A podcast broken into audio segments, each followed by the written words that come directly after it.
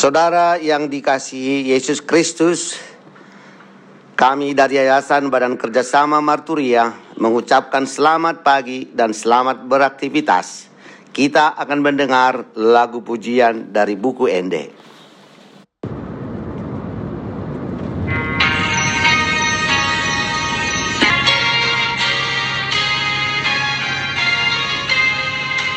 Dan jadi hamu Mediar ale Sai pake burju Gogom sasuri Nang hehe si bolis Mang moldak hamu. Sai tatap ma Jesus pergogo tutu Rado tiburju hatana sude Sai monang hamu Bai non namu se. Ibana do raja Natong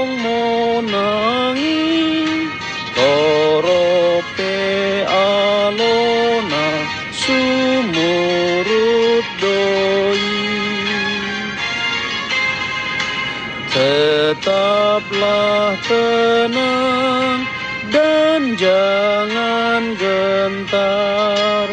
Dayamu semua pergunakanlah Meski semua setan datang menyerang Dengan kuasa Tuhan kau pasti menang.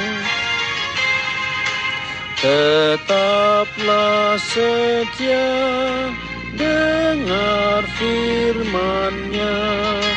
Kau pasti menang di kancah perang. Lihat Yesus Raja pahlawan besar Semua musuhnya binasa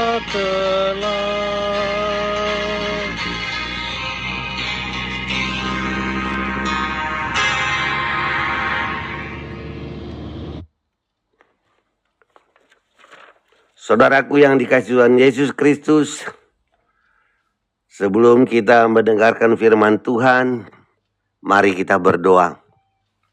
Allah Bapa di sorga yang kami sembah, yang kami puja, yang kami muliakan dalam nama Yesus Kristus Tuhan dan Juru Selamat kami. Kami bersyukur atas kasih setia, penyertaan, dan pemeliharaan dalam seluruh kehidupan kami.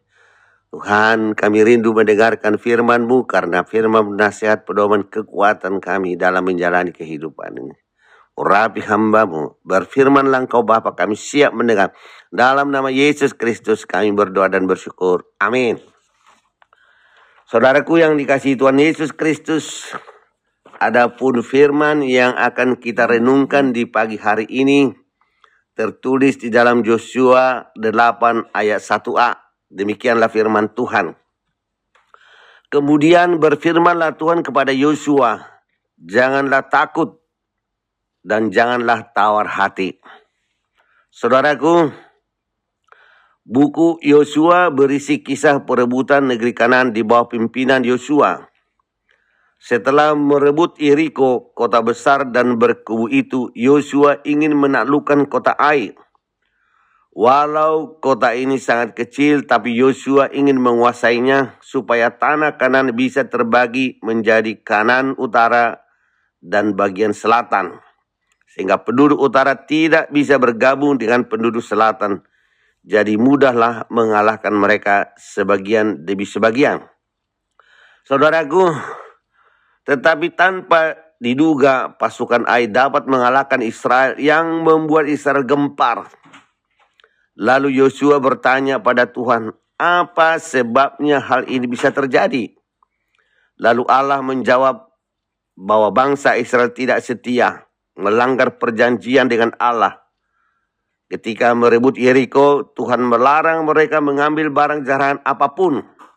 Rupanya akan mengambil barang-barang yang dilarang itu. Itu yang membuat Tuhan murka dan menghukum Israel melalui kekalahan terhadap Ai. Setelah akan ditemukan, Yosua menghukumnya karena perbuatannya telah mendatangkan celaka atas seluruh Israel. Setelah itu murka Tuhan pun redam. Saudaraku, dan Tuhan memerintahkan Yosua untuk bersiap-siap menyerang Ai. Tuhan berkata, janganlah takut dan janganlah tawar hati. Tuhan menjamin kemenangan atas Israel. Karena Tuhanlah yang memimpin peperangan. Kini keadaan telah diperbaharui dan Allah membangkitkan semangat Yosua untuk maju terus. Sesungguhnya Allah juga berduka ketika orang Ai mengalahkan bangsa pilihannya. Tetapi umat Tuhan harus belajar melalui kesakitan dan penderitaan bahwa setiap dosa harus mendapat hukuman. Upah dosa ialah maut. Dan jika ingin maju, maka semua dosa harus ditinggalkan. Perbuatan dosa kita mengakibatkan iman kita lumpuh. Tetapi jika kita bertobat, iman kita akan kembali pulih dan bertumbuh. Demikian halnya dengan Israel. Setelah mereka menduduki Yeriko dan kota Ai, maka berita tentang kemenangan mereka tersebar ke mana-mana. Dan orang-orang dari bangsa lain menjadi takut kepada bangsa Israel. Amin. Mari kita berdoa. Ya Tuhan, Sadarkan dan ingatkan kami atas dosa kami dan mau bertobat. Sehingga iman kami dapat menyelamatkan diri kami dan percaya hanya kepada Yesus Kristus sebagai Tuhan dan Juru Selamat kami. Amin.